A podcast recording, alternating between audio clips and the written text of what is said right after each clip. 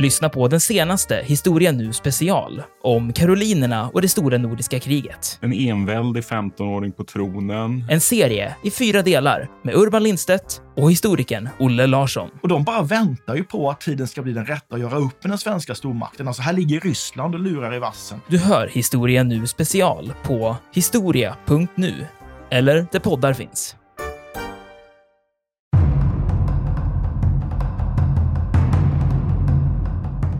Det är ju en sån här klassisk militärhistorisk tema som man har diskuterat kring det här då, att vem är det som ska få slutligen få ta Berlin då? Vem ska, är det som ska få den här äran? Och eh, Stalin verkar ju inte ha eh, riktigt bestämt sig förrän ganska sent. Och det är väl framförallt när det börjar bli problem mellan de här två befälhavarna, det vill säga att de de skickar ut patruller mot varandra för att ta reda på vad den andra är. Alltså inte för att spana mot fienden utan de spanar mot sina, sina egna så att säga för att hela tiden ligga steget före. Och desto närmare de här två grupperna kommer Berlin så blir det ju också så att de börjar skjuta på varandra av misstag. och att man ser inte riktigt vem det är. De kommer så pass nära varandra och ser till att de inte berättar för varandra vad man är.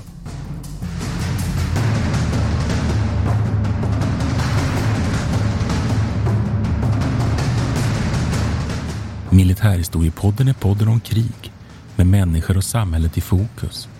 Programledare är Martin Hårdstedt, professor i historia vid Umeå universitet och Peter Bennesved, doktor i idéhistoria. Podden ges ut av förlaget Historiska Media. Stöd gärna MH-podden via vårt swishnummer 123 610 76 68. Märk betalningen med MH-podden.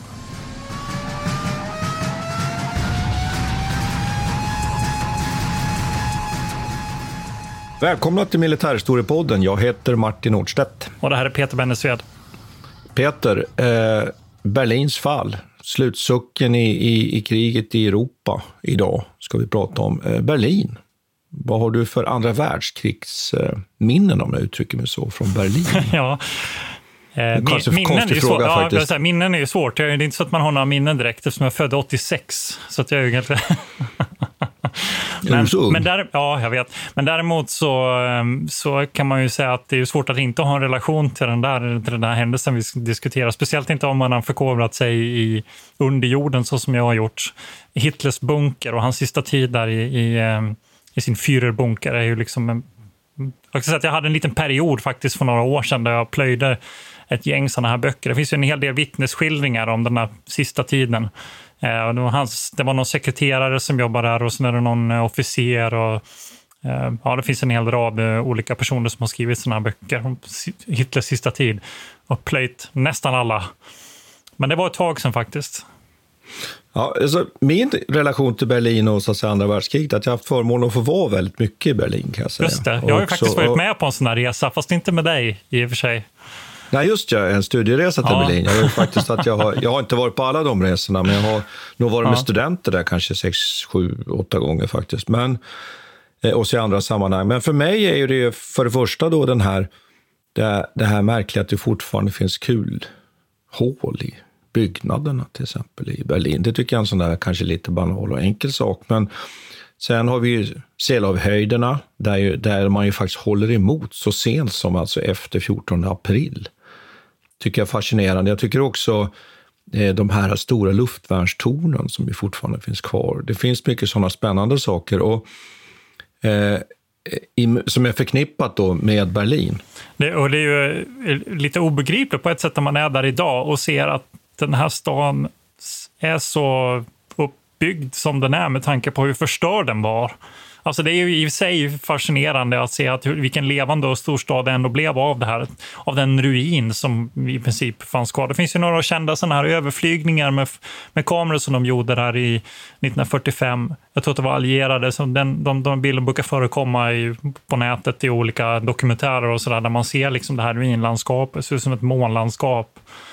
Eh, som bara är helt obegripligt att det, att det kan vara en stad idag Mm. Och jag, jag, jag, har tidigare läst en bok som heter eh, Varga tider, som just handlar om tiden efter. Och där beskriver man just hur mycket grus det fanns i Berlin. Och allt det här gruset samlades upp och fördes ut utanför staden och, och blev till slut liksom en konstgjord höjd. Och det där tycker jag är en sån där fascinerande sak. Men en annan sak som jag skulle vilja bara sådär innan vi sätter igång här nu på allvar, det är Eh, Treptower Park skulle jag faktiskt eh, rekommendera ett besök. Är det det här Det är stora alltså so- sovjetiska monumentet som Ja. ligger ute? Ja. Ja, en, en mycket, mycket speciell och fascinerande plats. Vi brukar ta, ta studenterna till och brukar diskutera detta just med, med krigsdöda och hur man ser på de här platserna och just det här är intressant att det finns då en, en, en sovjetisk begravningsplats med monument med Stalin-citat flankerar de eh, sovjetiska soldatgravarna. A lot can happen in three years, like a chatbot may be your new best friend. But what won't change? Needing health insurance. United Healthcare Tri Term Medical Plans, underwritten by Golden Rule Insurance Company, offer flexible, budget friendly coverage that lasts nearly three years in some states. Learn more at uh1.com. This is Paige, the co-host of Giggly Squad, and I want to tell you about a company that I've been loving, Olive and June. Olive and June gives you everything that you need for a salon quality manicure in one box. And if you break it down, it really comes out to $2 a manicure, which is absolutely insane. It's also so easy to get salon worthy nails at home with Olive and June. The difference between how your nails used to look when you did them yourself and now with the Manny system is a complete game changer. The best thing about Olive and June too is it's a quick dry. Dries in about one minute, lasts for five days, and full coverage in up to one to two coats. Visit oliveandjune.com slash perfectmanny20 for 20% off your first system. That's oliveandjune.com slash perfectmanny20 for 20% off your first system. Hiring for your small business? If you're not looking for professionals on LinkedIn, you're looking in the wrong place. That's like looking for your car keys in a fish tank.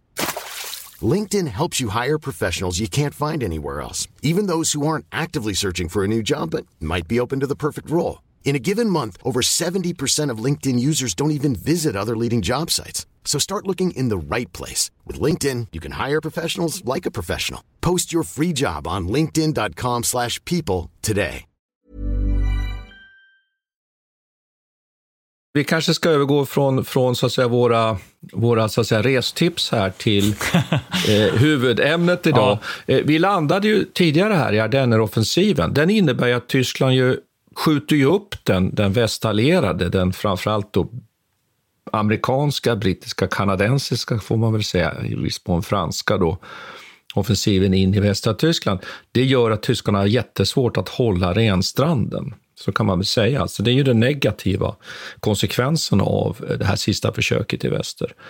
Så att om vi börjar där tycker jag, och då kan vi väl konstatera att, att eh, de allierade, västallierade då, satsar på att bryta in nu då i, i, i västra Tyskland egentligen på tre, på tre platser kan man säga. En lite nordligare spjutspets då med brittiska, kanadensiska och amerikanska arméer. En i centrum, en central kil mot, i riktning Köln, Bonn. Och sen en, en sydligare rutt också för att ta, ta eh, de sydvästliga eh, områdena. Och man omringar egentligen ror. då. Eh, det är inte helt lätt att ta sig över Renen då. Och det här tycker jag är en sak som man nästan kan tjata lite om i det här avsnittet. Att tyskarna håller emot, fortsätter att slåss. Och som jag har läst, som man läser i litteraturen, och där tycker jag att alla är ju helt på det klara med en sak. Att hur vi än värderar nu de andra arméerna och att Tyskland kapitulerar, så finns det en sak som tyskarna är bäst på under hela kriget. Att strida man mot man, i grupp mot grupp, pluton mot pluton, kompani mot kompani. Där tyskarna, de är helt enkelt bäst på krigföring.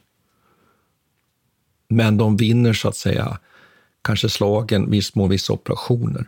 Men de kan inte vinna kriget strategiskt därför att de överväldigas. Så det där tycker jag ändå är kusligt, får man säga så Peter? Kusligt Jo, men det finns ju i bakgrunden till det finns ju också en slags ideologisk fanatism som kommer fram så himla tydligt här i de här skildring, skildringarna av, av kriget här på sluttampen. Att hur de, hur de här överlevandena beskriver det som att de slogs för att de, de, de trodde liksom att det här var slutet på all, all civilisation. Ja. Allt det, allt, det var slutet på Tyskland. Ungefär på samma sätt som vi såg hur japanerna resonerade.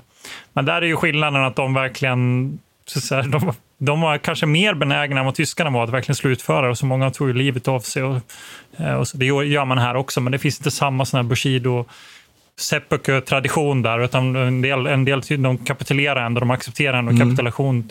Jag, jag, tror att du har rätt. Jag tror att det japanska där mm. var mycket mer ideologiskt grundat, som du säger, med olika uppfattningar om och sen så, så, skulle jag kanske lite då, jag, jag håller ju med dig i viss mån när det gäller tyska, men jag skulle också vilja säga att den här förmågan att slåss, den går tillbaka också till det här med, med den sammanhållning som egentligen kanske gäller i, i generellt i väldigt många arméer, nämligen att man man slåss inte till längre, så att längre för Nazityskland, eller för fyren eller för fosterlandet, någonting sånt här, utan man slåss eh, för de man har med sig där till slut. Att om jag nu lägger mig ner bara här i grupp, då kommer jag att, så att säga, också eh, inte kunna hjälpa att de andra överlever. Så att det är den där eh, sammanhållningen och det finns en del såna intervjustudier som man gör efter andra världskriget kommer fram till det där. Men jag kan väl hålla med om att samtidigt finns det väl den där att att det kanske är lika bra att dö på mm. slagfältet än att... Ja, men, och sen så, så kommer jag ihåg att vi diskuterade den här brutaliseringen som sker, där de blir allt mer brutalt i förhållande till krigsfångar och sånt där. Och ja. Goebbels har ju varit enastående i, sina, i sin, sitt propagandamaskineri för att intuta då det tyska folket och även de tyska soldaterna att, att eh, när den röda armén sveper in, då, då de kommer vara som barbarer Eh, och bara slakta allt. Och, det, och det, eh, delvis så får han ju rätt i det, får man ju säga. Det är ju ändå en, liksom en brutal sanning här. Att Röda arméns väg framåt är ju också kantad av en groteskt beteende.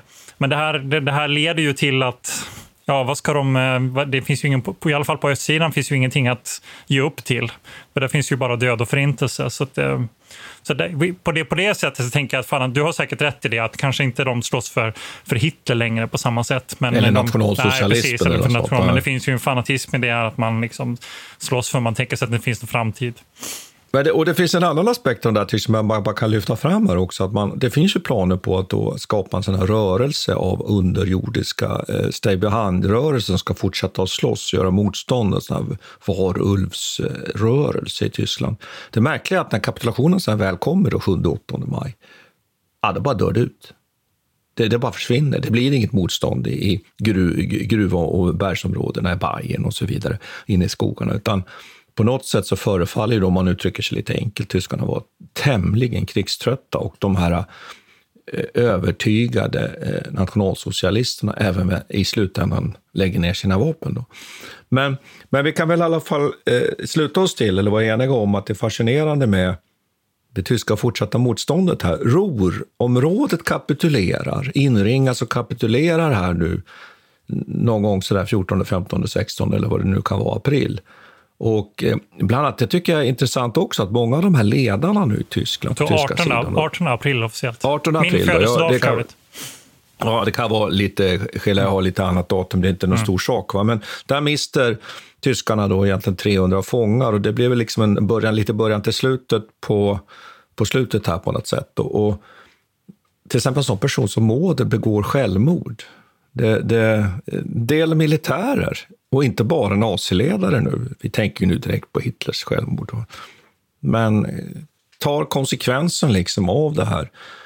Delar av den första amerikanska armén når Elba i början på november, eller egentligen den 11 november. Och där händer ju någonting väldigt intressant här. Att man har ringat in Ruhr, man har öppnat vägen mot, faktiskt, mot Berlin, mot slätterna.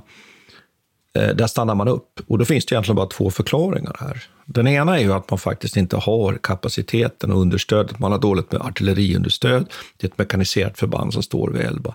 Eh, eh, man har bara ungefär 50 000 soldater. Man har inte underhållslinjerna organiserade. Men det är inte bara det. Det är inte bara det.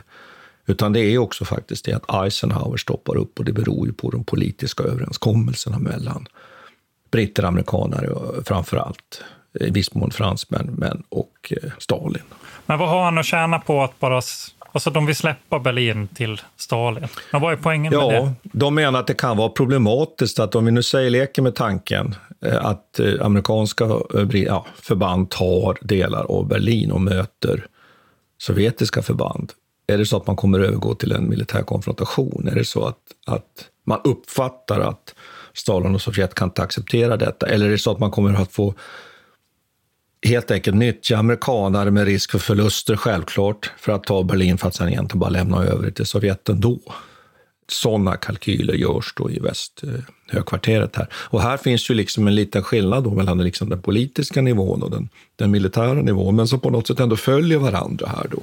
Max Hastings han menar ju att Stalin också är, eh, är fylld av konspirationsteorier vid det här laget. Ja, och, ja. och har svårt att förstå att de allierade överhuvudtaget vill lämna över Berlin till honom och verkar inte tro på det heller. Vilket nej, också nej, nej, liksom, misstänksamheten. Får, ja, får honom mm. att använda, liksom diskutera möjligheten till någon slags kapitalistisk konspiration. Då. Jo. Och att kalla kriget ja. ju egentligen är igång, det ja. kan vi kan, man ju diskutera, kan vi diskutera i, i något annat sammanhang, men det är ju spännande. Men det, har, det varit, men det har vi sett, och det är väl det som liksom präglar den här delen av kriget också. Det har vi sett ända sedan vi gjorde avsnittet om Warszawa, upproret i Warszawa. Det för redan där började det ju att man, den här politiken eh, mellan de, de, högsta ledarna, det är ju den som egentligen avgör hur, hur gränserna sen kommer dras redan nu. Och då är det ändå flera, nästan ett år före här, eller augusti 1944. Men får jag ställa en fråga då? Ja, är, är, är, kriget en förlängning av politiken som, som Clausewitz säger, den stora militärteoretikern? det, ja, men det är en intressant fråga, fråga här. Ja, men men äh, ja, inte vet jag. Man kan väl säga att i det, här, i det här läget är det ju väldigt tydligt så att man i princip betraktar slaget som över. Utan nu handlar det bara om att utföra det och att, och att man liksom börjar se till att ja, kriga på ett sätt som man har goda villkor när, när fredsfördragen ska, ska skrivas under. Men jag skulle vilja säga att Eisenhowers, eh, att, att, att han håller, nu har han ju naturligtvis order uppifrån, men jag tänker att där, där är det ett tydligt exempel på det man säger politikens primat. Det vill säga att, att det är politikerna som tänker därför att militärerna kanske tänker egentligen på ett annat sätt. Här vägen ligger uppe, vi borde kunna anfalla, vi borde kunna ta. Kanske då. Sen fanns ju de här invändningarna operativt som jag pratade om. Då. Ja, men precis. De eh. logistiska frågorna tycker jag ändå är ett solklara här. 50 000 man jämfört med den styrka som kommer österifrån. Ja, Ja, visst, och där kan man väl kanske mm. säga att den här frågan kanske är en icke-fråga. Det fanns inte. Men det man kan säga är att, att, amerikaner och, och, britter och viss mån fransmän och kanadensare och så där, de, de kommer att inrikta sig på egentligen upprensningsoperationer, jag menar mot Leipzig mot, mot, och så vidare, för att rensa upp de här motståndsfickorna som finns då i, i västra. Och där skulle man egentligen kunna, ja, kanske lite snabbt här, men att mm, på något sätt egentligen lämna den västra. Jag skulle vilja nämna en i alla fall, tycker jag, ganska sådär eh, häftig eh, händelse. Och det är ju så här att när man går över, går över Ren så är ju broarna över Ren väldigt, väldigt viktiga. Det är ju jättesvårt att ta sig över Ren om man inte har broarna. Då måste man bygga någon form av flottbroar. Men, och där lyckas ju faktiskt eh, eh, den här nionde Armored Division, som den heter, lyckas ju ta den här eh, intakt bron då vid Remargen, eh, Remagen den 7 mars. Och det där är en sån där, tycker jag, lite klassisk händelse i den här processen. Det är ju lite tidigare i förspelet här. Som ju ändå, eh, och det ska vi komma ihåg att Ren var ju ett jättestort eh, hinder för de allierade. Men den där händelsen tycker jag i alla fall att man kan lyfta fram och det skulle man kunna återkomma till, för det tycker jag lät väldigt spännande den där. De anfaller ju där och tyskarna lyckas inte spränga bron.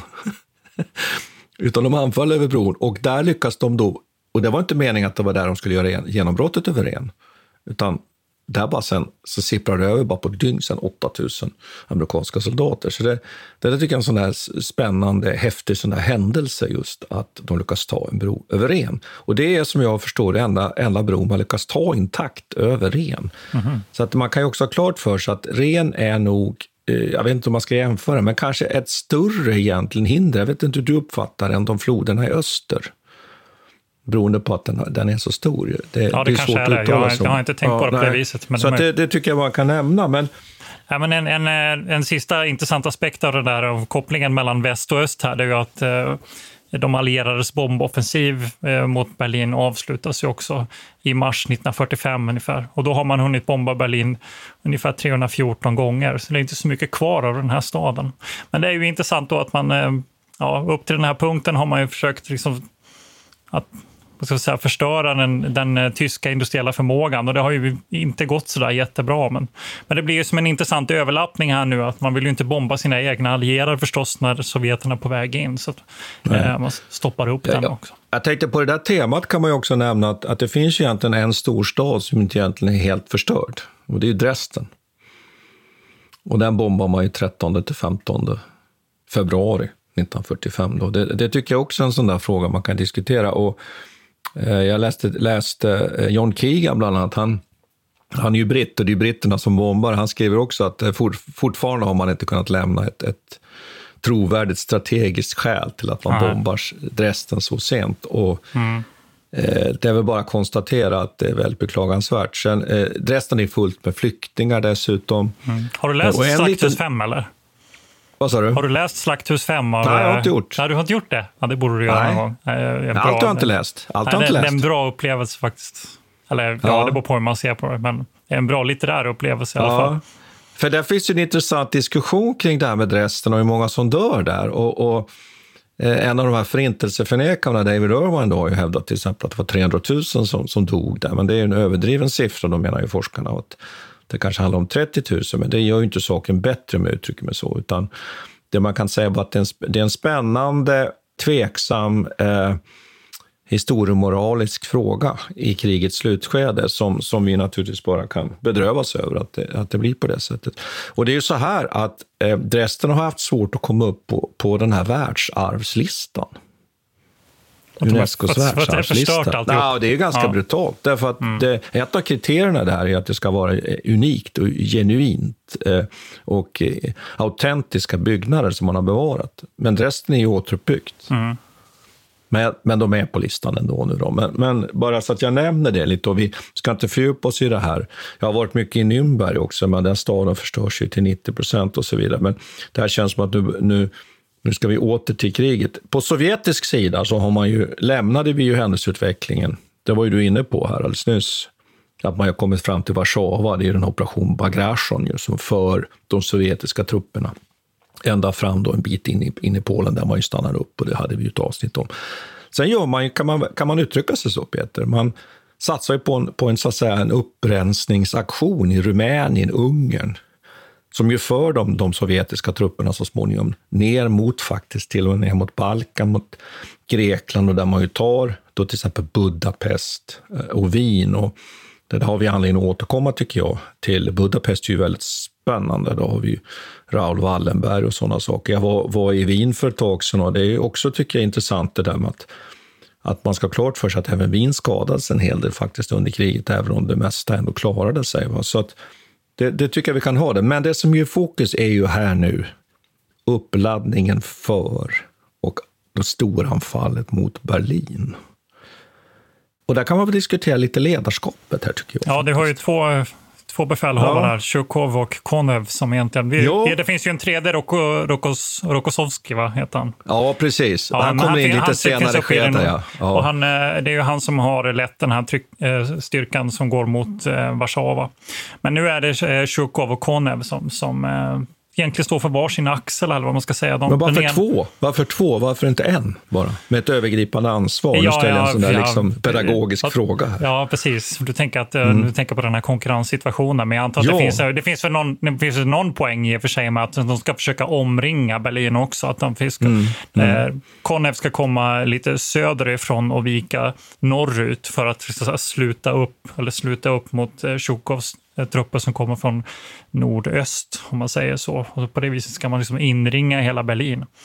Eh, men absolut, det är, ju, det är ju en sån här klassisk militärhistoriskt tema som man har diskuterat kring det här då, att vem är det som ska få slutligen få ta Berlin då? Vem ska, är det som ska få den här äran? Och eh, Stalin verkar ju inte ha eh, riktigt bestämt sig förrän ganska sent. Och det är väl framförallt när det börjar bli problem mellan de här två befälhavarna, det vill säga att de de skickar ut patruller mot varandra för att ta reda på vad den andra är. Alltså inte för att spana mot fienden, utan de spanar mot sina, sina egna, så att säga, för att hela tiden ligga steget före. Och desto närmare de här två grupperna kommer Berlin så blir det ju också så att de börjar skjuta på varandra av misstag. Då, att man ser inte riktigt vem det är. De kommer så pass nära varandra och ser till att de inte berättar för varandra vad man är. Det är faktiskt först den 22 april som Stalin beslutar att det är Tjukov som ska, som ska få ta Berlin. Ja. Eh, men men, men, jag tänkte just på det att den här Stavkan, då, liksom, så att säga, ledning tidigare i Sjukov, han hade ju haft ett litet sånt här, vad ska vi kalla det för, helikopterperspektiv och samordnat olika arméer. Men det är ju som du säger här nu, att Stalin, nej, men han plockar ner de här, så Stalin går in och tar egentligen det här samordnings... Mm ja, på något sätt. Det är staden, ja, som, det är som, ja. som beslutar om att de ska delas in i olika zoner också i Berlin och så olika ansvarsområden för att, för att undvika att de, att de skjuter på varandra. Och då, får, då har ju Sjukov den här, jag tycker det här är så intressant, han har ju den här eh, första vitryska fronten, de har ju sånt namn på liksom, vi ska kalla för armégrupp. Eh, och sen har ju då eh, eh Kornev den, den första ukrainska fronten. Och sen finns det då en, en, en tredje armégrupp som kommer sen i ett senare skede, liksom, liksom in eh, söderifrån. Då. Men som jag ju uppfattar, precis som du säger här, det är att Sjukov nu, han går ju bara rakt på mm. Berlin egentligen. Och man kan väl säga så här att det här riktigt sista slutanfallet inleds ju då i mitten av april, eller hur? Som du säger. Och... Ja, 16 april så går Sjukov över floden Oder.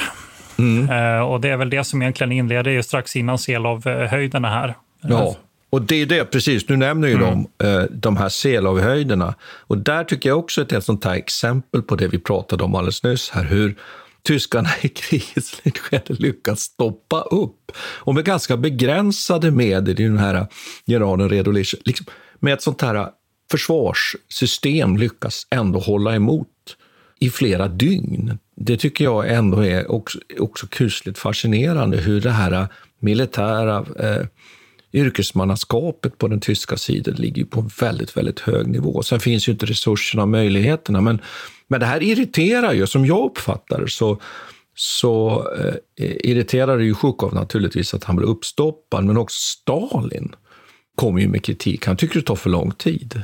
Mm.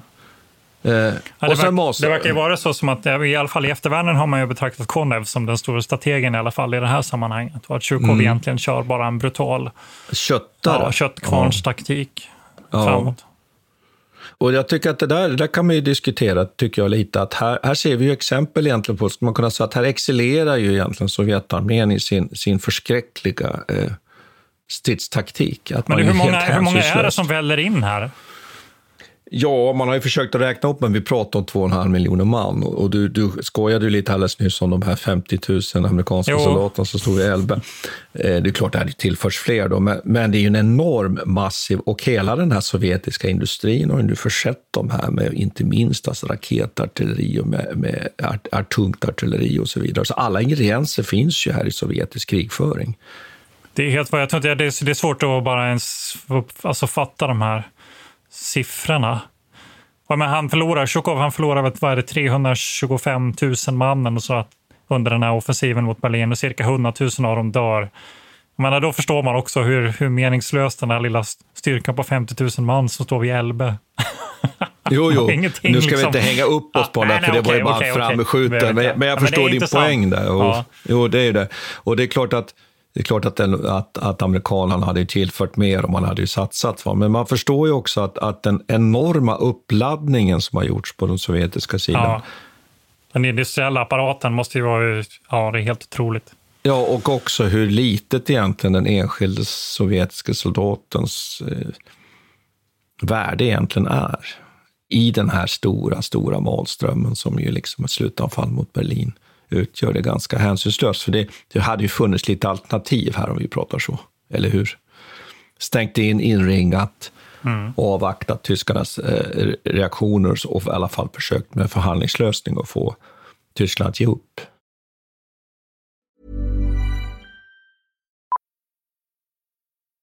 Millions of people have lost weight with personalized plans from Noom. Like Evan, who can't stand salads and still lost 50 pounds. Salads, generally, for most people, are the easy button, right? For me, that wasn't an option. I never really was a salad guy. That's just not who I am. But Noom worked for me. Get your personalized plan today at Noom.com.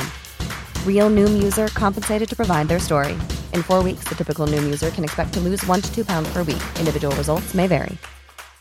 This is Paige, the co-host of Giggly Squad, and I want to tell you about a company that I've been loving, Olive and June. Olive and June gives you everything that you need for a salon quality manicure in one box. And if you break it down, it really comes out to $2 a manicure, which is absolutely insane. It's also so easy to get salon worthy nails at home with Olive and June. The difference between how your nails used to look when you did them yourself and now with the Manny system is a complete game changer. The best thing about Olive and June too is it's a quick dry, dries in about one minute, lasts for five days, and full coverage in up to one to two coats. Visit oliveandjune.com slash perfectmanny20 for 20% off your first system. That's oliveandjune.com slash perfectmanny20 for 20% off your first system.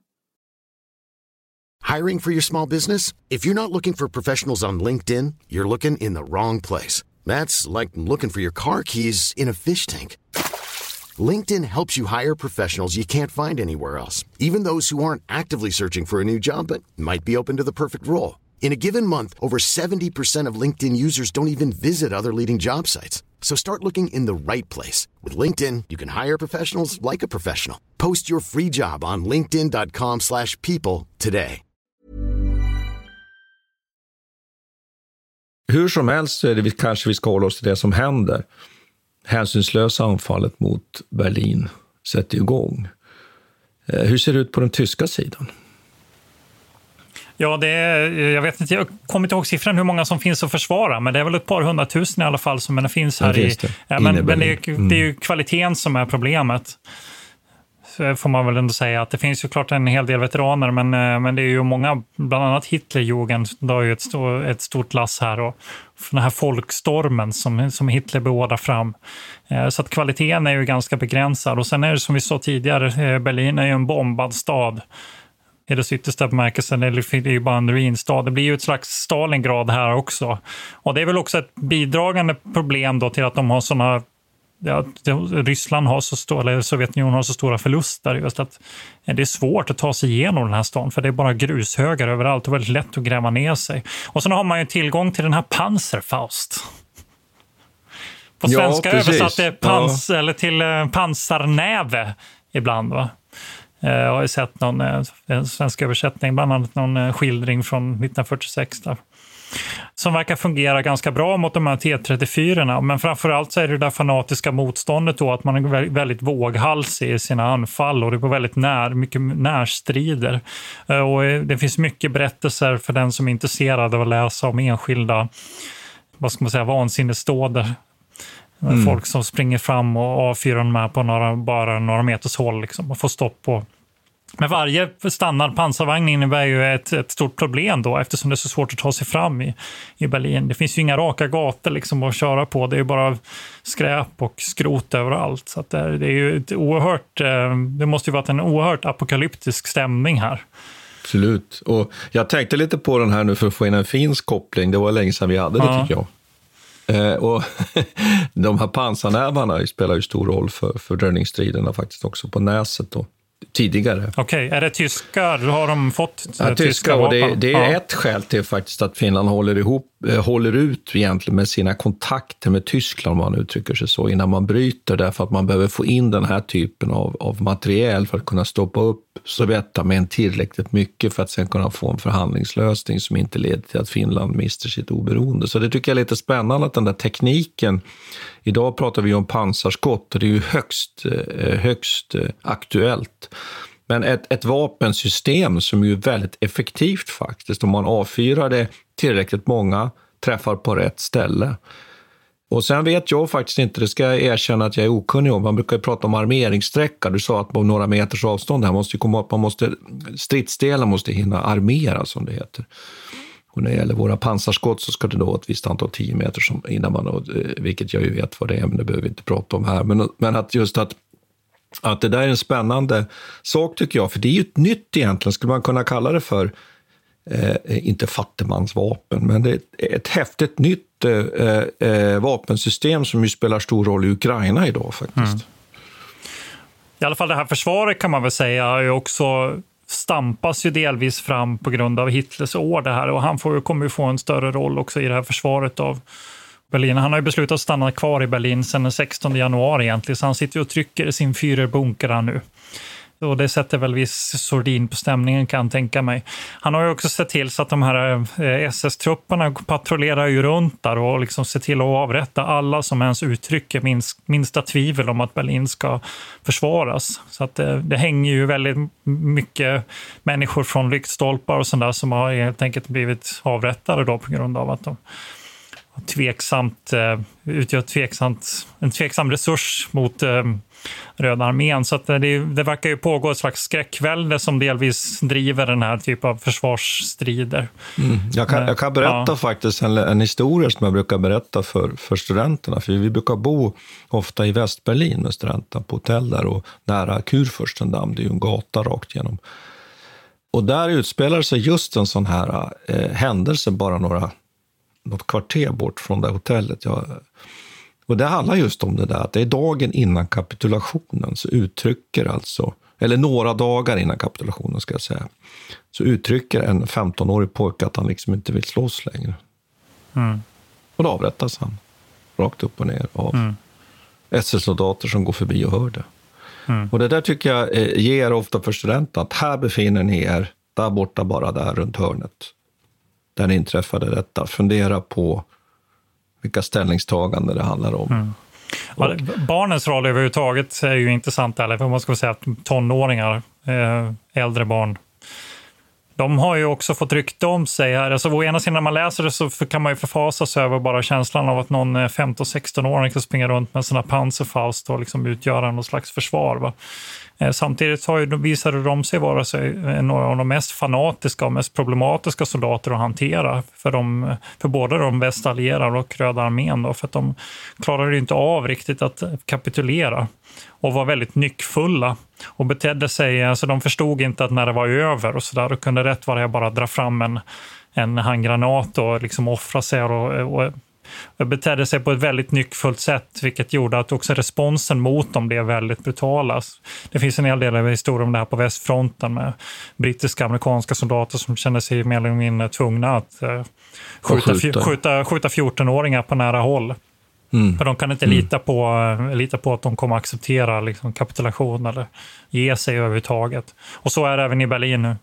Mm. Slutstriderna då inne i Berlin, man räknar med att ungefär kanske 94 000 tyska soldater finns. Och där är det ju så att så, ganska, så många som 60 000 är ju av, de, av den här kategorin vi pratar om, då, Volksstorm, alltså äldre och, och pojkar. Och i det trånga, trånga utrymme som Berlin utgör då, så räknar man med att de, mot dem så sätts det in ungefär 450 000 sovjetiska soldater. Så, Sovjet kan ju inte sätta in alla sina soldater naturligtvis. Men, så det är klart det är väldigt ojämnt här. Och en sak som vi direkt kommer in på här också är att i den här, det är klart att det måste man ju ändå förstå, inte, inte, inte förstå i den meningen att jag accepterar eh, deras handlande, men oerhörda övergrepp mot civilbefolkningen i det här läget också under kriget. Och det har skrivits mycket om, om Röda arméns eh, systematiska våldtäkter både under kriget och efter kriget, eller hur? Och där vet jag att, att det också finns ju eh, eh, undersökningar, forskning som bevisar att det förekommer naturligtvis också, jag säger naturligtvis faktiskt, på västallierad sida. Och där kan man ju aldrig vikta detta i vilken omfattning och så vidare. Min uppfattning i alla fall är, det, är ju den att det här sker mer på den sovjetiska sidan än på västsidan. Oerhört svårt att fastställa några siffror, men oerhört tragiskt detta med människor som inte kan försvara sig. Ja, det är också, ja, det är också hemskt också den typen av sexualmoral som, som råder under den här tiden är ju också att är du våldtagen så har du liksom förlorat din heder på ett annat sätt. Så det finns ju många berättelser om föräldrar som uppmanar sina döttrar att kasta sig ut från hustak och hänga sig själva och på olika sätt ta livet av sig själva när de, när de anser att deras barn har blivit vanhedrade av, Alltså det, ja, det är fruktansvärt läsning och en del, eh, en del bara accepterar det också. Att det, det råder en sån stämning här nu att, att man eh, liksom ser, ser inte att man vill leva i den framtid som väntar för Tyskland. Mm. Och vi kan väl bara säga att det har aktualitet. Att det, det förekommer ju i det krig som pågår i Ukraina då. Och det kan man ju fundera och bli lite nedstämd över, över hur långt världen egentligen har kommit. Ja, Nej, absolut. Den typen av eh, soldaters beteende är ju, det har ju på intet sätt förändrats Eh, kan man säga. Det finns gott om sådana vittnesmål även idag. Men däremot kan man kanske, kanske att den här tiden och attityden om sexualmoralen har förändrats i alla fall till något till det bättre. Så att de här, jag hoppas att de här kvinnorna inte bara tar livet av sig. Eh, och på uppmaning av sina föräldrar det också känns så otroligt brutalt. Det finns en berättelse här precis dagen efter krigsslutet egentligen, en mamma som sitter på ett hustak med två av sina döttrar. Eh, har firat deras stundande bortgång lite Shinzano. Och sitter han, hon där och säger åt dem, hoppa nu, hoppa nu, kom igen, hoppa nu, det finns ingen framtid för er. Medan pappan då står sex våningar ner på, eh, och försöker hindra dem.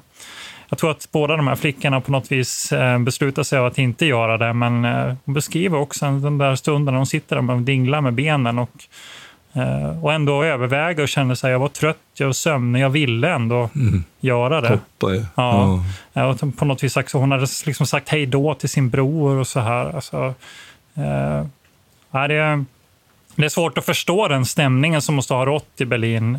Och det här är ju bara vanliga, alltså, civilbefolkningen, vanligt, vanligt folk i någon, i någon mening. Va? Men du, i bunkern där utspelar sig eh, väldigt märkliga scener, får man ju säga. Absolut, och Hitlers bunker under det här eh, slaget om Berlin har liksom utvecklats till en egen, eh, ett eget fenomen i sig, en egen, och fått en egen historieskrivning och väl, eh, många historiker som varit intresserade av detta redan från start egentligen. Och det börjar väl egentligen med att Hitler kryper in här den 16 januari 1945. Så han stannar ju i, i Berlin och eh, han, hans eh, närmaste försöker få honom att åka därifrån också rädda sig, men han vägrar egentligen och vill stanna kvar till slutet. Och det här har väl delvis att göra med att han inser att det här slaget är förlorat. Eh, men han eh, vill ändå sitta kvar och här, hålla uppe moralen eh, bland de som försvarar Berlin. Och han vill väl antagligen dö som en krigare, antar jag. Trots att han sitter här under. Själva bunkern i sig är ju rätt intressant och, har, och den är avbildad på många sätt. Den finns inte kvar. som tur är, tror jag, för det hade nog varit eh, rätt märkligt att ha den här symbolen för det sista motståndet kvar där. Eh, men det ligger under riksdagshuset i Berlin. Mm, jag, jag, tror att det är så att, att delar av något sånt här förum till chaufförernas garage eller någonting sånt här har man hittat då, men det förstördes ju mycket ja, eh, direkt Det är ett ganska krig. stort komplex och egentligen användes det, det som ett sjukhus också under den här perioden. Ja, precis. Så att, så att det är väl, men, det, men det som du säger, det, det finns liksom inte kvar och det, det, är ju verkligen tur. Det hade ju varit en vallfartsort. Jag har varit på den här parkeringen. Eh, för det är bara en parkering ja. nu. Det är en väldigt eh, jo, Den är ju utpekad med, ja. med en skylt och så vidare och folk går ju dit och bara det är ju lite intressant. Det finns en sovjetisk soldat också som kommer dit eh, 1945 som tar några foton som sägs vara från den här bunkern. Då, men, men det, är inte, alltså det är så väldigt mycket mytbildning kring det, så man vet inte riktigt hur det såg ut. och så. Däremot finns det rätt mycket vittnesskildringar från den här perioden. Det finns ett antal, det finns någon sekreterare som skriver en bok, eller som är intervjuad, som sen blir till en bok. Då. Så finns det någon, eh, eh någon löjtnant, tror jag, som fungerar som någon slags betjänt åt någon av de här officerarna som också har skrivit en eh, Eh, berättat om sina, sina sista dagar som har överlevt här. Det är, det är faktiskt ganska många som överlevde det där. Eh, så att det finns ganska väl dokumenterat den här perioden. Och det som man kan säga det, det som det präglas av är att eh, Hitler och hans närmsta cirkel egentligen tappar allt mindre kontakt med omvärlden. Eh, och, och det är den faktiska eh, situationen uppe ovanför mark, utan man stannar där nere och Hitler han, eh, han beställer olika offensiver och försöker lösa situationen enligt hans karta. Va? Men, men eh, det fungerar inte särskilt väl. Den här, bild, den här eh, episoden är också väldigt väl skildrad i filmen Der Untergang, som jag antar att de flesta har nog sett som lyssnar på vår podd. Om man inte har sett mm. den så bör man se den. Mm. Den, är, den är ju väldigt, väldigt fascinerande. Och där ser man ju hur, han hela tiden, liksom, ja, de skildrar ju eh, hur han hela tiden försöker få tro sig kunna lösa den här situationen och att eh, de bara är eh, en offensiv bort från, från att kunna liksom mota bort ryssarna, men det går ju inte. Ja, jag, jag tänker lägga till en sak där, att må, det, många av de här personerna som finns där, de lämnar ju successivt faktiskt bunkern, som blir ju färre och färre där inne. Jag tänker på en sån här person som Joakim von Ribbentrop, alltså utrikesministern. Han lämnade till exempel den 23 april. Så att det blir ju mindre och mindre folk och mer och mer, vad ska vi säga, saker och ting ställs på sin spets. Där. Jo, det är ju de absolut galnaste som är kvar, antar jag. Ja, Bland annat och, och det, man har funderat, ja. ja. det man har funderat på liksom är så här att det det, Hitler inser ju naturligtvis att, att, att det är slut, eh, naturligtvis. Va? Men också att det ligger ju de här eh, order och tankarna om att man liksom ska förstöra hela Tyskland och spränga upp det. De här order, orderna som går ut vid den här tiden, just, som ju sen obstrueras. Så vi ska komma ihåg att just den här undergången, den titeln på den filmen tycker jag är ju väl funnen. För det är väl det som nu då Hitler tänker, att utan ett nationalsocialismen så är det inte värt att leva. Det är, ju, hans... det är ju helt tydligt här att man liksom, att de sitter och fantiserar om om eh, sitt eget så kallade imperiums liksom, ruiner och hur det ska se ut och hur eftervärlden ska ta emot det. Goebbels säger ju någonting typiskt i den här riktningen. Han menar att eh, det är nu som det avgörande fäll som ert agerande och, och, ni kommer synas på vita duken om hundra år. Och då är frågan, kommer de bua eller kommer de hedra er? beroende på hur man agerar här. Så att de är väldigt, väldigt måna om sitt eftermäle nu och inser att de kommer dö oavsett. Den här episoden i alla fall i bunken får väl sitt slut. Eh, ett ganska eh, märkligt slut egentligen med att Eva Braun och Adolf Hitler gifter sig. Det är den 29 april egentligen, så får han höra om Benito Mussolini som också nu har dött. Eh, och i samma kväll så gifter han sig med, med Eva, Eva Braun. Det är en väldigt stillsam tillställning, sägs det. Som sitter ner i ett av rummen där och, och och dricker lite champagne i princip. Och, och intar antagligen en vegetarisk måltid. Ja, han var ju vegetarian. Ja. Mm. Eh, och eh, jag vet inte liksom, om det blev så mycket mer firande än det, men eh, dagen efter här sen så kommer de ju att eh, skjuta sig och ta gift. Eva Braun tar väl en sån här cyanidkapsel. Och eh, jag vet inte om Hitler också tar en cyanidkapsel och skjuter sig själv samtidigt. Mm. Mm. Och det, det var lite Grejen är att man inte har, man har inte liken kvar, så man vet inte riktigt. Det sägs ju att man har hittat de här tänder och så. Eh, men han, han, liken från dessa två forslas ju upp ovanför, eller vid en trädgård som ligger bakom riksdagshuset och så, så bränns de med hjälp av bensin. Det sägs att det har luktat mandel. Vet du varför? Ja, nej. Ja, men det är cyaniden då, som är, det är en slags bitter mandel. Mm. Precis, och, och sen då alla de här diskussionerna sen huruvida han undkom eller så, men alla kan man väl säga då seriösa bedömare menar att där slutar ju Adolf Hitler sina dagar. Och sen har man pratat om det här som du nämnde, den här käken och tänder då som Sovjet ska ha haft då i arkiv i, i, eh, i Sovjet. Då. Det, det där är ju oerhört liksom tve, tveksamt liksom överhuvudtaget om det där överhuvudtaget finns någon, någon verklighet bakom det där. Och det kan vi liksom låta vara osagt. Då. Men där slutar Rolf Hitler sina dagar. Då. Goebbels finns på plats, på plats i bunkern också. Precis, och Goebbels, den här episoden, som, det utspelar sig efter att Hitler och Eva, eh, har, eh, Eva Braun har, har dött. Och det är väl kanske ännu mer, kanske mest makabert, men det passar väl också hans eh, liksom bombastiska karaktär, antar jag. Goebbels eh, och hela hans familj egentligen har ju beslutat sig också för att vara där. Så han har ju sina döttrar med sig och jag tror att han har en son också. Eh, och eh, dessa då har en eget, ett eget litet rum där nere i bunkern. Och dagen efter här nu, som när Hitler har dött, så beslutar man sig för att nu ska vi ta livet av hela familjen. Barnen vet inte om detta, utan de tror att de ska ut och resa. Så de packar sina väskor och de klär sig i sina finaste kläder som de har. Så eh, bäddar familjen eh, eller föräldrarna ner dem i sina sängar och så, så får de en eh, giftblandning då i någon slags mjölk. Och föräldrarna säger åt dem att det här är för att bota någon slags flygåksjuka i princip. Då ska de dricka detta. Och eh, Josef Goebbels läser en saga för barnen och sen så får de dricka detta och så ja, dör de helt enkelt. Hela familjen egentligen. Tar giftkapslar och har livet av sig själva. Det, ju, det sägs ju att den, den äldsta dottern inser vad Fattar, som håller på att hända ja. och börjar, börjar brottas här. Försöker, försöker ta sig undan men, men oh, ja. blir nedkämpad av sin mor. Okay. Ja, det, är, det, är så, det, är så, det, är det är så vansinnigt. Ja, det är så mm. absurt så det finns ju inte. Deras eh, lik finns inte heller kvar. Men de har flyttats fram och tillbaka. Och även här har man ju varit väldigt mån om att de här kvarlevorna verkligen ska försvinna så att det inte blir någon slags eh, vallfärdsplats för nynazister. Mm. Jag tänker på Borman till exempel, det är en annan variant här. Dels är de här, nu har vi nämnt de här som blir kvar in i slutet. Borman eh, uppmanas ju av Hitler att fly för att kunna fortsätta ledarskapet då, utanför Berlin. Och han flyr ut då tillsammans med med en officer, eh, men försvinner och sannolikt så är man, man är osäker på huruvida man har hittat Bormans lik eller inte. Det ja, precis, man vet inte. Han ska ha förklätt sig och ja. bara försvunnit in i massan egentligen. Men det är också så, det är så mycket frågor kring det där och att han ber Borman att ta över ledarskap. Det är Karl Dönitz, amiralen, eh, flottans amiral som, som officiellt blir, blir ledare eh, efter, efter Hitler. Men ja, han, han, in i det sista så verkar han ju också ge lite olika direktiv till de här olika eh, ledarna. Just det. det. det jag tänkte på en sak som man kan slå som man mm. har varit mycket i Berlin, vilket jag har haft förmånen att få vara, att avstånden är oerhört korta. Alltså från riksdagshuset egentligen, alltså rent fågelvägen, så är det ju fullt möjligt att se platsen där bunkern finns.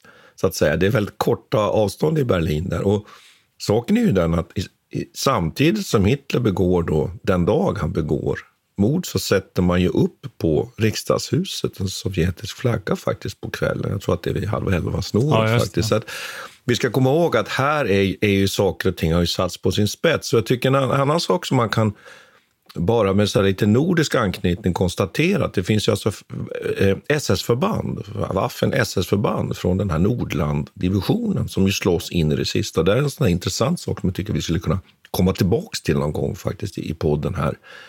Så att det är oerhört dramatiskt på slutet. Man sätter ju in jag tror också unga pojkar och folkstorm och sånt där. Ja. Jag tror att ett av de här, det är någon svensk eller någon, någon från Norden som, som, eh, som, blir till, som blir inkallad till bunkern här i det här skedet för att fixa någon läcka som också ser, som är vittne till bränningen av Hitler. Just det, just det. Selling a little or a lot? Shopify helps you do your thing however you cha-ching. Shopify is the global commerce platform that helps you sell at every stage of your business. From the launch your online shop stage to the first real life store stage, all the way to the did we just hit a million orders stage. Shopify is there to help you grow. Shopify helps you turn browsers into buyers with the internet's best converting checkout. 36% better on average compared to other leading commerce platforms because businesses that grow grow with Shopify. Get a $1 per month trial period at shopify.com/work. shopify.com/work. Planning for your next trip? Elevate your travel style with Quince. Quince has all the jet-setting essentials you'll want for your next getaway, like European linen, premium luggage options, buttery soft Italian leather bags, and so much more. And is all priced at 50 to 80% less than similar brands. Plus, Quince only works with factories that use safe and ethical manufacturing practices. Pack your bags with high-quality essentials you'll be wearing for vacations to come with Quince. Go to quince.com/pack for free shipping and 365-day returns. Traffic jams, tailgating, pile-ups. Ugh, the joys of driving. How could it get worse? The federal government wants to have a say in what you drive. That's right. The Biden administration's EPA is pushing mandates that would ban two out of every three vehicles on the road today. Don't let Washington become your backseat driver. Protect the freedom of driving your way. Visit EnergyCitizens.org. Paid for by the American Petroleum Institute. Den här kapitulationsfrågan här bör vi diskutera och då är det så att den 5 maj så kapitulerar då i nordvästra Tyskland, Danmark, Holland, delar då av den tyska armén. Och sen följer ju en kapitulation till västmakterna den 7 maj. Den skrivs ju under i Reims och då är det eh, Jodel. Men då är ju Sovjet, de är ju inte nöjda med det där utan de vill ju ha en egen, egen underskrift och den sker ju i, öst, i de östra delarna av Berlin. Eller hur Peter? Mm.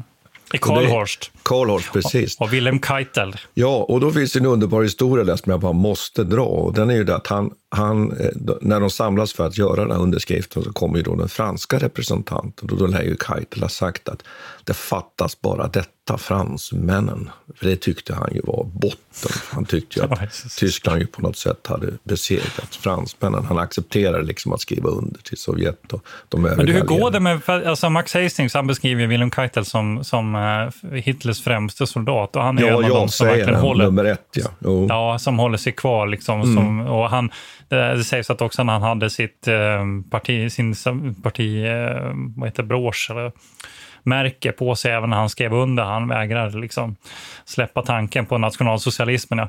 Men hur gick det för honom egentligen? Blev han hängd eller? Han avrättas ju, alla de här avrättas ju, ja. de här högsta juden. Och det är också en sak man kan, kan resonera lite kring. Det är en berättegång efter spelet, för det tycker jag är en del av militärhistorien också. Hur man, hur man, vi har ju varit inne på sådana här frågor i andra poddar. Va? Men sen är det ju så här då att eh, det finns tyska förband som slås till exempel i Prag flera dagar efter kapitulationen. Så att en viss rörighet här. Men, ah, men samtidigt som jag säger det så är det ändå så att bland annat då sådana här varulf eh, eh, för, förband, grupper som man har utbildat i Tyskland för att fortsätta striden efter kapitulation, eller i och med att, ja, att slutet för att liksom kämpa in i det sista naturligtvis med nationalsocialistisk ideologi. Eh, det går luften ur. Man kan säga att det går luften ur, helt ur det tyska motståndet i och med att de här eh, kapitulationerna skrivs under. Så det blir ingen sån där trist efterspel med en långdragen grillakrigföring från fanatiker. Och det, det, tycker jag man kan markera. Sen figurerar ju den 9 maj som ett datum här också, men det har ju att göra med att det är då som nyheten på allvar når Sovjetunionen, men det tycker jag inte vi behöver prata om egentligen. Så det är 7 och 8. Ja, precis, det är då de skrivs under. Ja, som gäller då. Eh, och då tycker Men det har ju att... framförallt att göra med hur man firar segerdagen i Ryssland ja, idag, eller Sovjetunionen ja. och sen... Och, eh, nu, och det är ju lite komiskt kanske det där också, att man liksom på något sätt ska ha olika dagar. Det kan man ju eh, mm. resonera kring. Men jag tycker att nu har vi gjort en serie om andra världskriget. Eh, och det är ju så att vi har ett avsnitt kvar som kommer att publiceras och det är faktiskt vårt hundrade avsnitt. Då har vi ju pushat lite för i olika sammanhang och då har vi bjudit in vår mentor Urban också. Och den handlar ju om atombomben och, krigets avslutning. Med amerikanska eh, kriget mot Japan framför allt står i centrum. Då. Men nu är ju kriget i Europa slut och man kan väl ställa sig en fråga här. Eh, eh, vi har ju gjort nu på något sätt en grundkurs, va, Peter, eller hur? Ja, verkligen. Vi kommer inte att släppa andra världskriget, utan det fantastiska nu tycker jag att nu kan vi komma tillbaka och borra i olika saker. En sak som jag tänker på spontant är att vi till exempel har ju inte nämnt i det här avsnittet egentligen någonting, eh, egentligen faktiskt ingenting, om att det finns kvar tyska trupper i Baltikum som Hitler då tänkte skulle vara kvar. Då. Det finns en, en, en uppfattning, då, en teori om att han ville hålla delar av sovjetiskt territorium. Då. Och jag tänkte det är en sån sak som vi bör ta upp. Och sen tycker jag att nu är det, är det härligt, för nu kan vi välja olika sådana här teman och verkligen borra. Alltså, vi kommer ju inte att släppa andra världskriget, men nu har vi gjort grundkursen och, och, och vad har vi lärt oss för någonting då? Har vi lärt oss någonting? Vi hoppas ja, ju att lyssnarna ja, har finns, lärt sig någonting. Det är klart att eh, man kan det, det, finns på flera olika nivåer. Det är ju intressant att se hur, de, eh, hur västländerna har blivit integrerade med varandra på ett helt nytt sätt. Framförallt Storbritannien och eh, USA. USA har lämnat sin isolationistiska politik i och med andra världskriget och blivit en världsmakt. Det är ju egentligen nu de blir liksom, det är starten på Pax Americana på, på ett sätt va, som är jäkligt fascinerande. Sen är det ju någonting med det tekniska med, den, te den tekniska nivån, hur den utvecklas, helt nya typer av vapen, så kanske inte, kanske inte nödvändigtvis spelar så jättestor roll då, och kanske radarn. Mm. Eh, och dess utveckling. Va? Men den fanns ju även innan i viss mån. Va? Men allt som kommer få så jättestora konsekvenser sen. Va? Jag tänker framförallt på raketvapnen, v, V1 och V2-vapnen och sådana men, men atomvapnet. Tänk, ja, men jag, jag, tänker ju ändå på, det, det, är ju klart att det är ju klart, jag menar pansarkrigföringen, den rörliga krigföringen, vi har varit inne mycket på flygkrigföringen, eh, de här nya eh, raketvapnen, jetdriften och så vidare. Så att Vissa saker inser man ju naturligtvis eh, kommer ju med andra världskriget. Vi har pratat om luftlandsättningar och så vidare. Så det är klart att andra världskriget inser man ju är inte bara enormt stort. Det går ju aldrig att, att tömma ut det ämnet, men också att det är, finns ju definitivt ett före och ett efter andra världskriget. En självklarhet jag säger. Men så är det inte med alla krig. Absolut inte. Det är inte så att det nödvändigtvis alltid finns ett före och ett efter alla krig, så är det ju inte. Men andra världskriget är ett sånt krig som det finns ett före och efter, som du säger, inte bara politiskt utan även militärtekniskt. Alltså, jag tycker också att händelserna efter 2022 här nu, eh, och det, det nystartade kriget i, i Ukraina, här är det Rysslands fullskaliga invasion av Ukraina som heter formellt. Men det sätter också andra världskriget i nytt ljus tycker jag. Jag ser lite andra saker i andra världskriget nu efter, efter det pågående kriget. Liksom. Och kanske framförallt handlar det om storskaligheten. Eh, vilken skillnad det är i liksom, mängd trupper och så. Jo. Vilka enorma kvantiteter som släpptes lös. Men sen också att de här grundläggande konflikterna inte, del, inte riktigt är lösta. Utan, nej, och, och, och, när, och när det här, det här polerade som vi har fått som vi har trott väldigt mycket på, när, när, när precisionsvapnens effekter liksom börjar dala och det är slut på ammunitionen, då återgår liksom krigföringen till någonting som alltså, går nästan längre, ännu längre bak än andra världskriget, hela vägen till första världskriget. Jo, då är det, det artillerikoncentrationer ja, och skyttegravar och statisk krigföring och, och försvarsstrid. Det, ja. Så här tycker jag att man, det finns ett, ett utrymme för nytolkning av andra världskriget på det viset att man nu ser vi att okej, okay, det, här, det här framåtskridande som vi tror, vi trodde att vi hade lämnat den typen av krigföring lite grann. Men det har vi inte, utan det har bevisat sig nu att det här, det här är, vi är tillbaka där. Och det är lite obehagligt på många sätt. Det är det. Men vi får anledning att återkomma tycker jag. Och vi hoppas ju att, att eh, eh lyssnarna har följt den här serien och, och funnit den eh, intressant och har lärt sig lika mycket som vi har lärt oss med vår inläs, inläsning kring den. Så egentligen kan man väl säga att vi avrundar väl kriget i Europa här. Det är ett avsnitt kvar. Och, och vi får väl tacka varandra Eh, tack Peter för att du har varit med mig här. Andra världskriget och eh, tacka lyssnarna för att ni har varit med. Tack ska ni ha. Vi tackar Peter Bennesved och Martin Hårdstedt. Kontakta gärna Militärhistoriepodden via mejl på militarhistoriepodden historia.nu. Peter och Martin vill gärna få in synpunkter och förslag till programidéer.